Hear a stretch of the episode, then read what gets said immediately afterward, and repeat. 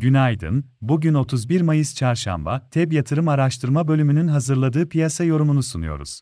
Haftaya Amerika'da borç tavanı konusunda sağlanan anlaşma sonrası olumlu başlangıç yapan yurt dışı borsalarda dün zayıf kapanışlar yaşandı. Teknoloji hisselerindeki alışlar düşüşleri sınırlasa da Fed tarafındaki şahin beklentiler, küresel büyümeye ilişkin endişeler endeksleri olumsuz etkiledi. Amerika tarafında Dow endeksi eksi %0.15 geriledi.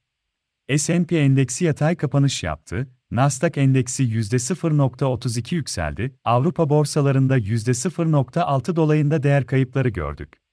Bu sabahta küresel piyasalarda daha çok satışlar takip ediyoruz.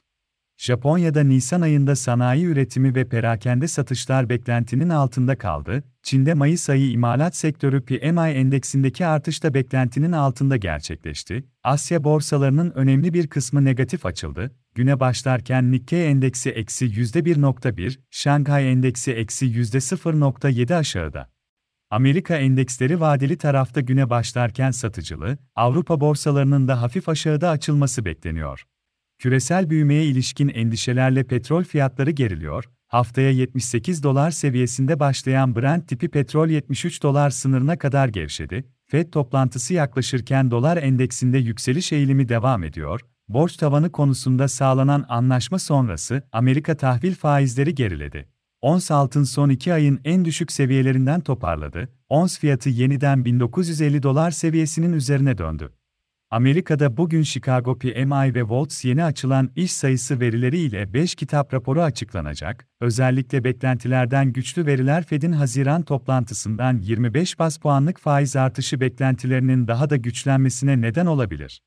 Geçen hafta gelen güçlü veriler sonrası Fed'in Haziran toplantısında 25 bas puanlık faiz artışı yapma ihtimali %60 olarak fiyatlanıyor. Avrupa Merkez Bankası Başkanı Lagarde bugün Türkiye saatiyle 15.30'da bir etkinlikte konuşacak. İçeride ise Cumhurbaşkanlığı seçimlerinin tamamlanması sonrası yeni kabine çalışmaları takip ediliyor. Ayrıca bugün ilk çeyrek büyüme verisi gelecek.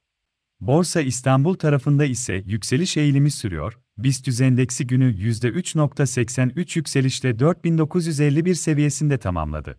Borsa İstanbul'da yukarı eğilimin bugün de korunacağını düşünüyoruz. Endekste 4700 seviyesinin üzerinde kısa vade için 5000, 5200 bandının test edilmesini öngörüyoruz. Günlük bazda destek olarak 4830 ve 4700 seviyeleri izlenebilir.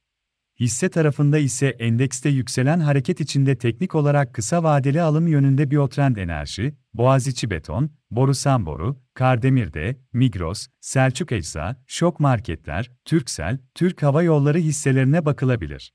Yasaları değerlendirmeye devam edeceğiz. TEB yatırım olarak herkese iyi bir gün dileriz.